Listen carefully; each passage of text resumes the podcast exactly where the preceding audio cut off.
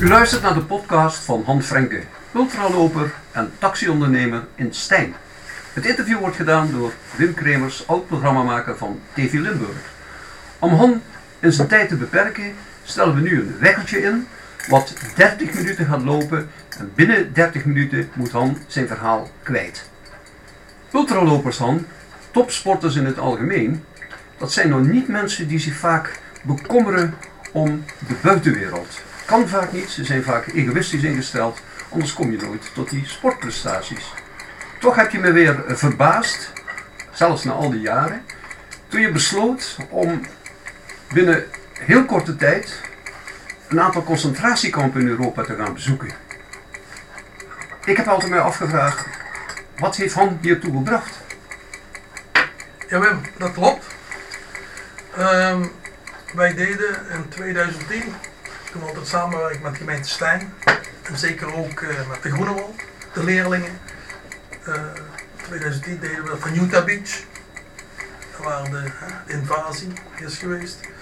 Eh, in 2015 deden we van Bergen-Belsen, onze, onze ja, zeg maar, held Giel Berks, die wat overleden is. Held van Stijn. Held van Stijn, Was zeker afkomstig uit Meers, Meers. ja zeker. En was, was daadwerkelijk een verzetsheld. Ja, zeker. Er worden veel mensen Ja.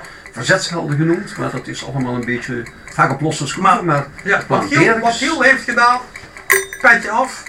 En eh, het is eh, extreem natuurlijk eh, dat hij is door zijn verzet activiteiten dat hij helaas is omgekomen in Bergen-Belsen.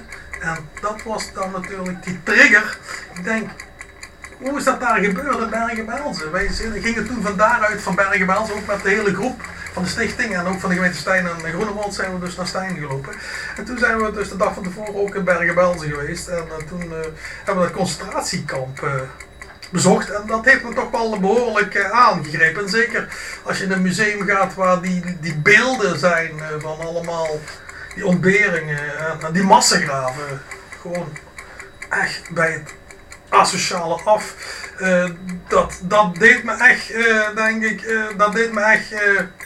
denk, ja, wat hier gebeurt is eigenlijk niet, niet meer normaal. En dan als je dan in het boek gaat kijken, wie allemaal om, omgekomen zijn. Als je dan de naam van je verzetsheld, de, onze kaplaan, ziet, Giel Berix. Ja, dat heeft me natuurlijk behoorlijk eh, aangegrepen. En toen heb ik eigenlijk ook daar verder een beetje in me ingedoken.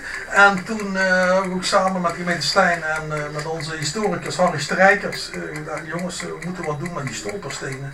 En dat zijn stolperstenen. Dat zijn stenen die worden, gelegd voor het huis of het geboortehuis of waar die woonden. Van mensen hè, die wat gedeporteerd zijn of een, hè, naar, naar het concentratiekamp. Hè, dat, dat kunnen natuurlijk eh, joden zijn, eh, verzetstrijders, ze kunnen eh, homo's zijn, invaliden. Iedereen. Sinti's, Roma. Sinti's, Roma, ja, eh, die, die, die wat uh, ja, gedwongen afgevoerd zijn en omgekomen in een concentratiekamp. Toen hebben dus Bert en Nathan Klaas uh, uh, in Ummelt, in de Bergstraat, twee stolperstenen neergelegd. En ja, daar kwam dus eigenlijk ook dan mijn fascinatie ervan af. Kijken, kijk eens op Wikipedia. Ik ga eens even op Wikipedia kijken hoeveel concentratiekampen zijn. Toen Wikipedia zegt waarschijnlijk, maar er zijn er meer, 1634 uh, concentratiekampen. Onderverdeelde vernietigingswerk, internerings, reserverings, reserverings, verzamel- en doorgangskampen uh, zijn. Dus toen heb ik dat eens gekeken op Wikipedia en toen kwam ik eigenlijk uit uh, rond uh, 21 uh, concentratiekampen. Die waar dan uh, 102.000 mensen waarschijnlijk zijn omgebracht. Die heb ik toen in kaart gebracht. En ik denk, oké, dat is misschien interessant om mensen te kijken. Wat er misschien nog meer overleden slachtoffers van de gemeente Stijn daar ging ik dus even voor de gemeente Stijn, te bekijken uh, als ik daar nog achter uh, mensen uh, kan ontdekken die wat overgeleden zijn en of die wat natuurlijk doorgebracht hebben, en daar hebben we het later over, doorgebracht hebben in welke concentratiekampen. Dus dat was eigenlijk daardoor die, die fascinatie. Maar er zijn veel mensen natuurlijk die eh, gefascineerd zijn door concentratiekampen te bezoeken. Eh, maar om dan zo'n plan op te zetten, want het, het, het was organi- organisatorisch, was het ook een, een, een, ja, een hoog standje om het zo Ja, eh, te nee, dat was zeker een hoogstand. Want je moet dat allemaal regelen. Sommige mensen weten het, maar misschien heel veel mensen weten dat niet. Je moet dat regelen naast je drukke werkzaamheden Ja. als taxi-ondernemer. Naast je drukke werkzaamheden als hoofd van het gezin. Ja, Moet je tijd zien vrij te maken om dat te realiseren. Klopt. Maar dat heb je helemaal gelijk in, Wim. Maar als je een bepaalde passie hebt, dan, dan doe je dat graag. En zeker ook voor de mensen van Stijn. eh, ja, toch eh, laten weten, jongens, kijk wat er allemaal gebeurd is. Maar ik heb toch weer nieuwe namen. En dat is natuurlijk die drijfveer. even voor de namen. Laten we ze even hebben over die organisatie, want dat fascineert Oké, me. ja, ja.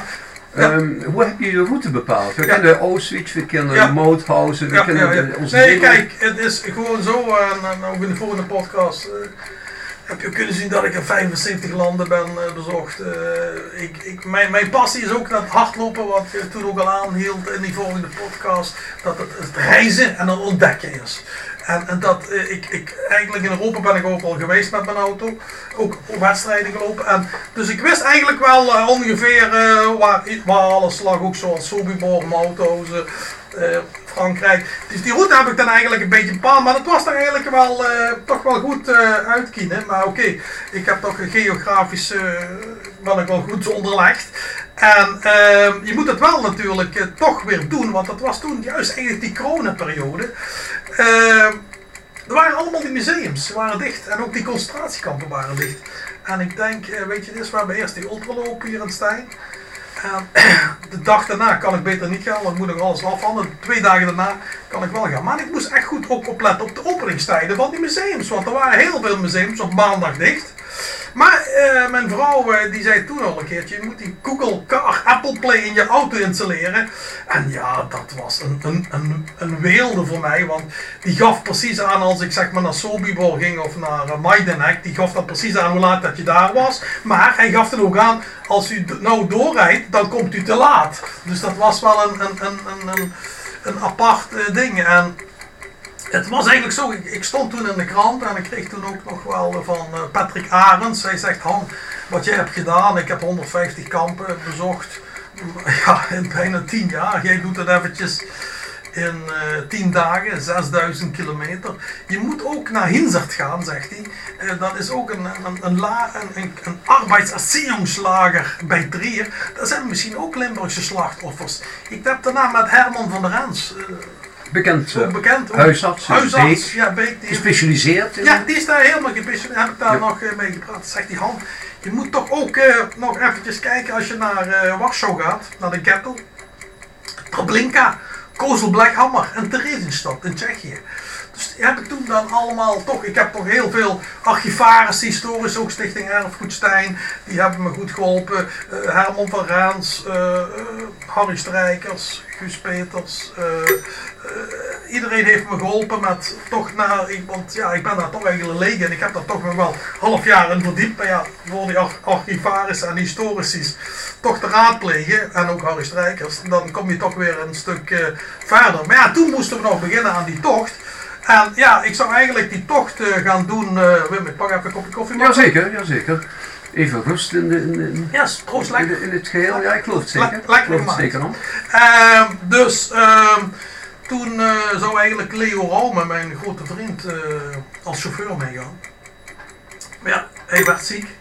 Hij zegt, Han, ik kan niet mee, want het is niet de bedoeling dat het moment dat ik ziek word, of, of ja, ik, kan, ik, kan, ik kan niet Nee. eh, doen. Het is toch topsport. Elke morgen op, drie concentratiekampen, 600 kilometer doen. Dan allemaal die indrukken.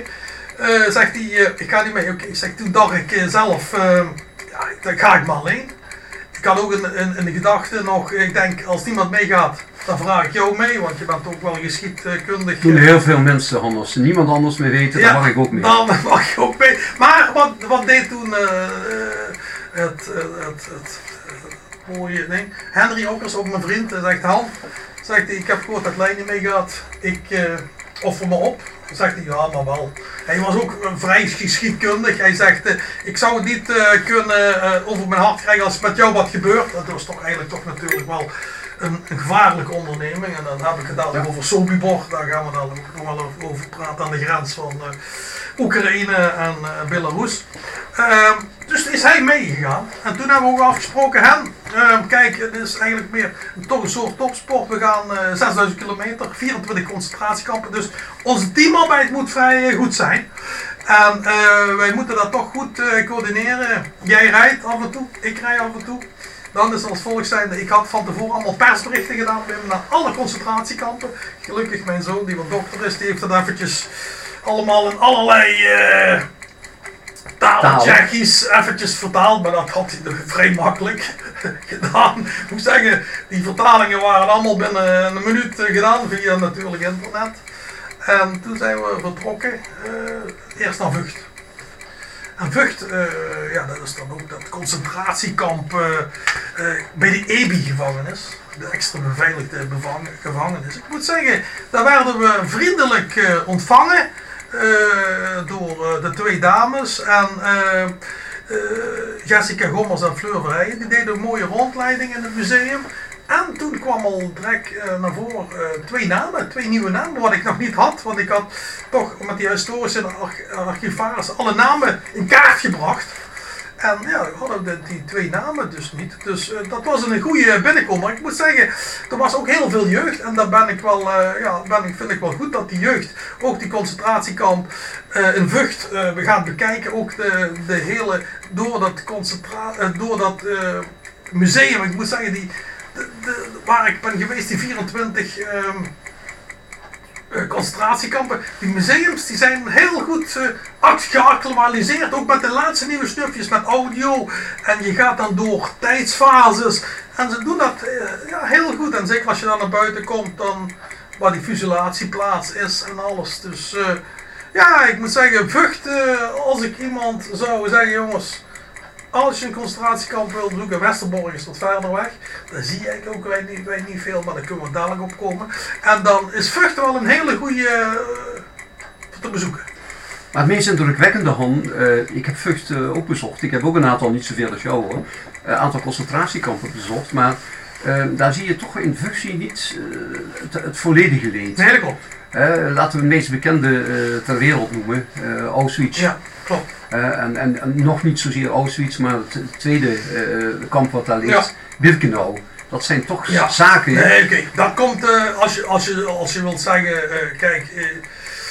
Kijk, het museale houdt daar op. Ja, kijk, wa waar ik me dan een beetje aan stoor, en, en dat, kun, dat kan ik niet doen. Kijk, sommige museums, en zeker ook concentratiekamp moet je betalen voor binnen te komen. Ik snap uiteraard dat dat is voor het instandhouding. Maar kijk, als je dan gaat kijken naar Majdanek. Majdanek is een Lublin, ook kort bij de grens van Oekraïne. Die is, dat, dat is de enige concentratiekamp wat nog geheel in de originele vorm is gedaan. Ook met die cyclonbus, die crematorium. Maar juist wat je zelf zegt, Vught, daar komt het, komt het wel binnen, maar niet echt binnen. Kijk, op het moment dat je naar die grotere eh, concentratiekampen gaat, zoals Buchenwald, uh, Treblinka, uh, Mauthausen, Theresienstadt, Auschwitz. Auschwitz is zeer, zeer, zeer bekend natuurlijk dat is eigenlijk, eigenlijk een publiekstekker. En kijk, ik vind het wel jammer dat er mensen staan met een zo'n veetje en arbeid mag vrij op foto's. Ja, dat vind ik eigenlijk dat doet mij eigenlijk wel pijn. Kijk, uh, want uh, ik geloof, ik had pas nog een foto. Jij bent toch natuurlijk een hele populaire vlogger op Facebook. Ik zag daar jou en Mirjam ook. Arbeid mag vrij erbij. Ja. En ehm, het, het, het, dat, dat, zeker dat raak je behoorlijk. En zeker als je ook nog een goede gids hebt, zo'n Auschwitz, die wat dan doorgaat naar Birkenau. En als je daar dan allemaal ziet, in Birkenau is toch nog veel afgebroken. Maar je ziet wel, kijk, het is ook zo, kijk, zoals Bo Boegenwald. Hè, uh, dan zie je toch wel uh, dat dat in een, in een, een vorm is waar zeg maar dat Jurator is en dan kunnen ze dan eigenlijk alles bekijken. Hè? En ik, ik ben ook een groot roze geweest en dat valt me dan eigenlijk op uh, dat allemaal die, die kampen, zoals Mauthausen, uh, dat daar altijd heel veel steengroevers zijn geweest. En die steengroevers, die waren dus bedoeld voor mensen, hè, uh, die kwamen dus binnen en de, de levensduur ja, is, is eigenlijk niet normaal, vier weken. En dan werden ze dan helaas vergast en dan gecremeerd. En uh, dat zie je dan vaak in die steengroeven staat dan mensen, en zeker ook die dodentrap in Mauthausen. Ja. Eh, ja, dat is... eh, Maar daar zie je ook in Mauthausen ben ik toevallig ook geweest, eh, Han. Nou ja, niet toevallig. nee, maar... Ja. Ik ben er geweest. Maar dan zie je ook dat dat veel meer is. Hè. Heel veel mensen die daaraan meegewerkt hebben aan die verschrikkelijke Ja. eh, tijd. Die zeggen ja, beveel is beveel. Maar daar zie je bijvoorbeeld, het was geen beveel om mensen van in die steengroeven af te duwen. Het was geen beveel om die... Het was een soort uh, ja, eh, sadomasochisme wat dat doet. Het, Ja. het waren individuelen, het waren soldaten die Ja. gewoon hun lol hadden. Ja. Door gewoon mensen daar van een trap af te duwen. Ja, ja, ja, Eh, dus het- het is, het is, eh, is echt, echt, echt extreem. En, en ook zeker, daar heb je helemaal gelijk in, Wim. Want, want ja, toen de eerste concentratiekampen gingen bezoeken, en toen zei ik ook tegen Henry, er komen nou toch wel heel veel indrukken binnen. En wat er allemaal gebeurd is, ja, dus Ja. ook met eh, menselijke proeven, eh, hè, die dag, nacht nebel, en ga maar zo door. Dat is eigenlijk ja, niet, niet, niet, eh, niet ja, dat is niet, niet normaal, die, allemaal die indrukken wat je krijgt. En als je dan ook nog Ja. ziet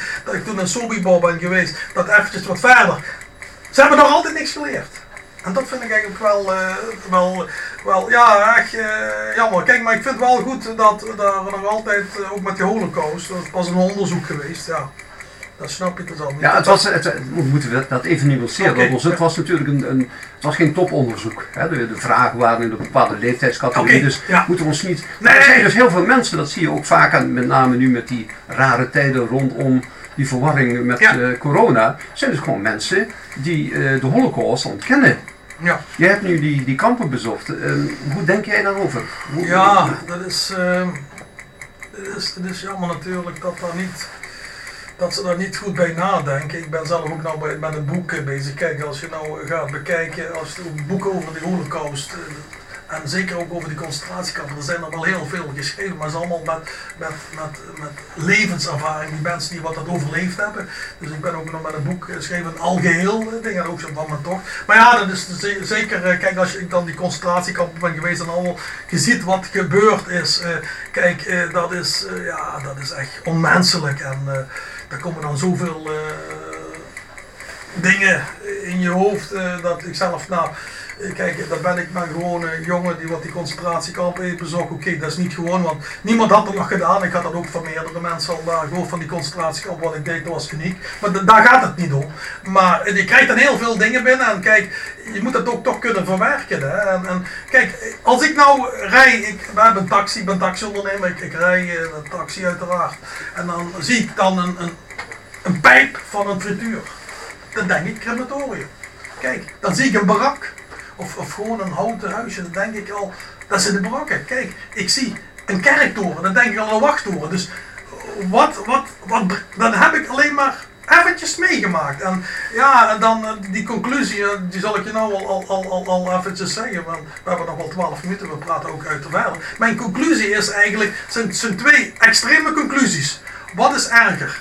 Zoals in Ravensbrück, of aan allemaal die concentratiekampen, die vernietigingslagers, dat je aankomt met de trein. Want dat is natuurlijk ook met die, eh, met die kampen, eh, dat is ook wel extreem, die 24 kampen wat ik bezocht heb. Je rijdt opeens, kom je in een bos en afgelegen en dan komt opeens een, een spoorrails. En dan weet je al genoeg. Kijk, in Ravensbrück was ook zo, dat is een vrouwenconcentratiekamp. Daar kwamen dus de kinderen, dat heeft me aangegrepen. Kijk, allemaal die concentratie heeft me allemaal aangegrepen. Maar je komt dan met de trein aan, die worden gedeporteerd, die, die eh, moeders met de kinderen. Die kinderen worden omgebracht door de verdrinking. De moeders, die werden dus, die moesten uitstappen, zogenaamd douche, hè, infectie, met ziekenhuisgas en dan in een crematorium. Ja, dan valt je toch niks meer, eh, dan valt je toch niks meer, eh, neem- niks meer in. Nee, maar het trieste, en dat moeten we ook concluderen, en dat is niet een, een mening, maar dat zijn de feiten, dat met name het, het, het, eh, het vergaren van, van, van, de, van de Joden, van de mensen die opgepakt waren, dat werd niet zozeer gedaan door de Duitsers, dat waren gewoon Nederlanders. Dat Ja. waren, de Nederlandse spoorwegen heeft veel Ja, ook- verdiend ja, om die mensen naar die concentratiekampen te brengen. De- de- het waren de Nederlandse politieagenten vaak, het waren de, de landverraders, het waren de NSB'ers die die Joden eh, verraden hebben. En het waren vaak ook de mensen die die Joden uit die huizen hebben gehaald. Dus het, de, de tegenstelling van het zijn de slechte Duitsers, nee, het zijn slechte mensen die het gedaan hebben. En helaas waren er in mijn optiek meer slechte Nederlanders die aan de verkeerde kant stonden dan de verzetshelden. Ja, dat is een conclusie zeker. Wat je Want onder, die, onder die, als ik je nog even mag Ja. onder die eh, mensen die jij gevonden hebt, die een relatie hadden met de concentratiekampen, waren helaas ook mensen uit onze gemeente die aan de verkeerde kant van de lijn hebben gestaan. Die niet als verzetshelden eh, door het leven eh, kunnen Klopt, gaan. ja, daar ben ik ook wel achter een paar namen achter gekomen. Dat ligt natuurlijk erg gevoelig bij de familie. Dus je moet ook oppassen als je je namen zou publiceren. Eh, dat, dat klopt zeker. Eh, maar het is ook zo wat me dan ook opvalt. Kijk, zoals een BMW, zo'n Siemens, zo'n Iggy Farbe. Daar kleeft toch echt bloed aan. En, en, en ja, dat is... eh, Maar goed, laten we ons even weer Ja. terug beperken tot de lokale situaties. Ehm, hoeveel mensen heb jij nieuw eh, aangetroffen binnen die lijsten van die, Ja, van die concentratiekampen, die daar eh, of gezeten hebben en het overleefd hebben, maar Ja, heel veel zijn- mensen die zijn- natuurlijk zijn- het niet overleefd hebben. Er zijn negen mensen, die heb ik eh, kunnen, kunnen traceren, waar er vier zijn die wat niemand had. En vijf waren er die mensen die wat het overleefd hadden. Dus dat is mijn, dus het was wel, ja, dat was wel, ja, gelukkig een, succesvolle toch, als ik dat mag zeggen, succesvol, ja, dat ik nieuwe namen had. En, ehm, en ook eh, over, over, over sommige mensen die wat eh, om zijn gekomen, eh, ik zal nou niet de naam doen, omgekomen zijn in, in kamp in uh, Bremerhaven, Neuenkammer, waar ik ook ben geweest bij Hamburg. Dat is natuurlijk ook wel een heftig verhaal, wat, wat, wat, wat, wat gebeurt daar in, in, in. Ehm, toen in 45, toen eh, kwamen rechts kwamen de Russen en de links kwamen dan de Amerikanen en de RAF. En eh, dat was toen, uh, was bestond voor, eh, ja, voor, voor, voor, voor nieuwe bouwwerk in Ham, Hamburg en ook voor de wapenfabrieken van de grond af te krijgen. Alleen de dag voor de capitulatie zijn toen 9000 gevangenen uit het kamp. Eh, want ja, kijk, als, als eh, het belangrijkste van die is dat die archieven en alles wat een kamp was, alles destroyen, dus alles vernietigen en dat er totaal geen bewijslast was. Wat dachten toen eh, de, de, de, de de nazi's die dachten, ja weet je, we hebben hier ne- 9000 gevangenen. Hamburg ligt kort bij de eh, Lübeck, bij de, bij de Noordzee. Hebben ze die 9000 gevangenen hebben ze in drie schepen geplaatst. Dus in Tielbeck, de Cap Corona en Athene. En eh, toen dachten ze wel de dans ontspringen, weet je. Ze denken 9000 gevangenen. Dus eh, gaan wij als, als nazi's daartussenin zitten. En dan denk je, ja, het gaat eh, goed. Alleen het probleem is daar bij een Britse luchtaanval op 3 mei eh, 45. Ja, eh, die RAF-piloten die hebben dus allemaal die, eh, die schepen gebombardeerd. Er zijn maar 450 gevangenen van eh, overleefd. En dat zijn, er zijn ook nog verhalen en ook films van een Surinaamse jongen, die was Nederlands kampioen. Die had gelukkig de overkant bereikt. Alleen, wat was daar het probleem? Is hij zelfs doodgeschoten door twee jongens van de Hitlerjugend. Dus ja, dat is dan toch ook wel allemaal. eh elke concentratiekamp heeft zijn, zijn, zijn verhaal. Kijk, het is ook zo. Ik ben toen eh, ook eh, naar uh, Sachsenhausen geweest. Groesrozen. Dat is ook weer, komt allemaal weer terug. Die, die groeves. hè, wat je doet. Ook in, in, in Sachsenhausen, Boegenwald. Die zijn bijna allemaal zelf op, dezelfde opbouw, eh, centrale toegangspoort, hè, met de speuk, kenmerkende spreuk, arbeid mag vrij. En ehm, ja, dat, dat waren allemaal eh, ja, barbaarse eh, daden wat hun deden, dagelijks van de dood geschoten of opgehangen. Eh, ja, dat is dan eh, echt, echt heftig. En zeker in Treblinka 1 en Treblinka 2, dat ligt al bij Warschau zijn we dus ook geweest. Daar hebben we wel natuurlijk alle, alle medewerking gekregen. Want kijk, ik ging naar die archivarissen voor die uh, archieven. En Henry ging het kamp bezoeken. En ja, Treblinka 1 en Treblinka 2, dat is, eh, dat, dat is echt een verschil. Eentje was eh, het, het, het, strafkamp en eentje was een vernietigingskamp. En uh, ja, we hadden eigenlijk, moet ik zeggen, een bepaalde tijdsdruk. En ik vroeg dus ook aan de, de beheerder van het concentratiekamp in Treblinka 1 en 2. Ik zeg, ja, we hebben tijdsdruk. Kan ik van Treblinka 1 naar Treblinka 2 rijden met de auto? Ja, genehmigung. Ik zeg, ja, is goed. Ja, wat gebeurt toen? We gingen dus over die beruchte dode, mm dode weg. We kwamen dus de politie tegen van Polen. Ja, uh, konden we doen, maar dat was dan toch wel, denk oeh, ik ga hier over bepaalde grond rijden. Wat toch wel heel wat is gebeurd. In het Treblinka is ook zo'n vernietigingskamp, zelfs als Auschwitz. En uh, toen zijn we doorgereden naar Majdanek. En Majdanek had ik al afgesproken. Geef mijn car Apple, Google car Apple Play. Uh, meneer, ja niet Frank. Uh, u bereikt het kamp om 1500 uur, dan zal het gesloten zijn. Dus heb ik iets harder gereden. Zijn we dus ook Majdanek geweest, dat kamp. Dat is een heel groot, heel groot kamp waar alles nog alles in originele staat is gebleven. En ja, daar komt dat natuurlijk ook wel binnen. Ook zeg met die crematoriums. Overal zie je die crematoriums ja, die, die, die gasdouches met die cyclongas en alles. Eh, dus eh, dat was wel heftig. Maar ja, toen moest ik de volgende dag naar Sobibor. En Sobibor, dat is ook een vernietigingskamp. Dat is ook Bert en Nata Klaassen, meerdere mensen van de gemeente Stijn overleden. En dat was natuurlijk wel een heel apart, uh, apart geval, Sobibor. Ik had daar een afspraak met een vrouw. En die zei ook kom om 9 uur. Maar wat, wat gebeurt toen op die dag? Op die dag is de eerste keer een, een bom ontploft in Lviv. Dat was uh, eh, 60 kilometer van. Uh, mijn vrouw hoorde dat op de radio en ik was juist richting, uh, richting Sobibor, naar de grens van de Oekraïne. Ik wou net zeggen, we moeten, Lviv is niet allemaal duidelijk voor de meeste mensen, maar het was de oorlog in de Oekraïne, Oekraïne ja, waar jij heel dichtbij zat. Bij zat. Ja, klopt. Ik zat er heel kort bij, bij die oorlog van uh, Oekraïne en de vrouw vond het niet zo goed dat ik tegen ging. Ik zeg, ja sorry Lucie, ik zeg... Uh, ik, ik ga nou, uh, ja, ik ben bijna op het diepste punt. Ik zeg, daar ga ik ook heen. Alleen, wat gebeurt toen? Ja, die, die bom die ontploft aan Lviv, dat is dus ja, 60, 70 kilometer van uh, Sobibor. Uh, die was al ontploft toen ik daar kwam, dus ik heb daar niks van meegemaakt. Maar wat kreeg je toen? Allemaal politiecontroles. Hadden zeker drie, vier politiecontroles. En je kon nergens meer door naar die grens, ook niet naar Sobibor. En... Uh, daar heb ik gelukkig wel geluk gehad dat ik op achterkant, achterkant van mijn auto had ik een, een, een, een eh, de, ja, de, de, de route staan en zeg hello, we come Je had een poster gemaakt op de achterruit waar de hele route op ja, uitgetekend stond. En ik zeg, ja, we are visiting Sobibor, can we go? Yes, you have a special uh, agreement, but normaal niet.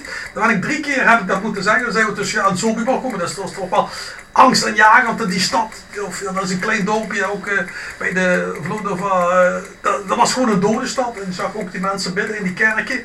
Zijn we naar binnen geweest, ja, en toen uh, heb ik gelukkig wel, waren alles aan het vernieuwen. En die hebben ook nou veel van die massagraven, hebben ze dus stenen gelegd, zo'n zo piramidestenen. En daar hebben ze dan ja, de bot de assen van de botten daar neergezet. Alleen ja, ik kwam daar helaas uh, niet door omdat alles was bezet. Daar heb ik Patrick Arends gezegd, Han zegt je moet dan deze route doen. Heeft hem een hele, hele platte grond gedaan van Google Maps. Je moet dan kom je toch wel dicht. Dus ik had toen eerst een gesprek met die vrouw. En die liet me, ja is niks voor te lachen. Die liet me de controleroom zien waar allemaal die camera's stonden. Want ja, niet iedereen kan natuurlijk overheen lopen. Dus ik zag mijn weg, zag geen camera. Dus ben ik eh, daarna, ik zeg dankjewel, uh, heeft ze me ook alles weer gegeven. Dan kwam ik ook op die namen achter, Bert en de Klaas en alle mensen wat ik toen had gedaan. En toen heb ik die route gelopen en toen kwamen we dus bij die uh, dingen, dat stond wel ook uh, vermoeden.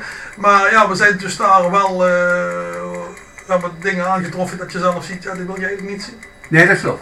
Han, even de conclusie. En de, de, praktische conclusie bedoel ik dan uh, eigenlijk weer. Ja. Uh, je hebt inmiddels twee lezingen gegeven ja, binnen de gemeente. Ja. Um, wat ga je, je gaat dan een boek uitbrengen. Ja. Maar wat, wat, wat, wat ga je ermee doen? Wat ga je met je ervaring doen? Sterker nog, wat gaat de gemeente Stijn met die ervaring doen? Doen ze er überhaupt iets mee? Ja, ja, de gemeente Stijn is eh, zeer uh, welwillend. Kijk, ik heb ook uh, afspraken met Groenewald. Kijk, mijn bedoeling is van mijn boek te schrijven dat ik een boek krijg waar eigenlijk. Daar gaat de bel, maar we kunnen ja. even praten, dat is toch een belangrijk onderwerp. Zeker. Wil. Wim, mijn bedoeling is van het boek te krijgen dat, dat ik een boek op, op de markt zal brengen. Wat ook eigenlijk ook voor jeugdigen, zeg maar, uh, zeg maar van 10 tot 23 jaar, dat het eigenlijk een, een lesmateriaal is, een geschiedenisles, dat, dat de mensen weten wat allemaal gebeurd is. Hè? Dus vernietigingskampen, alle soorten kampen waar ik heb gezocht, ook mijn reis, mijn verhalen op. Kijk, ik bedoel, ik heb niet alle, alle wijsheid in pak, dus ik heb ook veel van Traces of War of Wikipedia heb ik wel veel. Maar ik wil een eigenlijk compleet boek, dat je zelf zegt, concentratiekampen, wat zijn concentratiekampen en vernietigingslagers, wat zijn de verhalen allemaal, wat is er allemaal gebeurd. Ik wilde eigenlijk een algeheel boek en dan eigenlijk ook uh, hoofdzakelijk ja, voor mensen die wat dan eigenlijk een, als ze het boek lezen, dat ze denken, oké, nou weet ik er eigenlijk veel meer van, zonder dat ze de... Uh, bezoekt hebben, de, de concentratiekamp. Ja. Oké okay, Han, we ronden af. Heel belangrijk is natuurlijk de stolpersteinen, die komen ook nog in de stijn. Ja, klopt. Hè, kom ik een andere keer misschien ja, zeker, terug. Ja. En laten we dan toch concluderen, dat is mijn conclusie. Zonder Han Franke was dit nooit tot stand gekomen.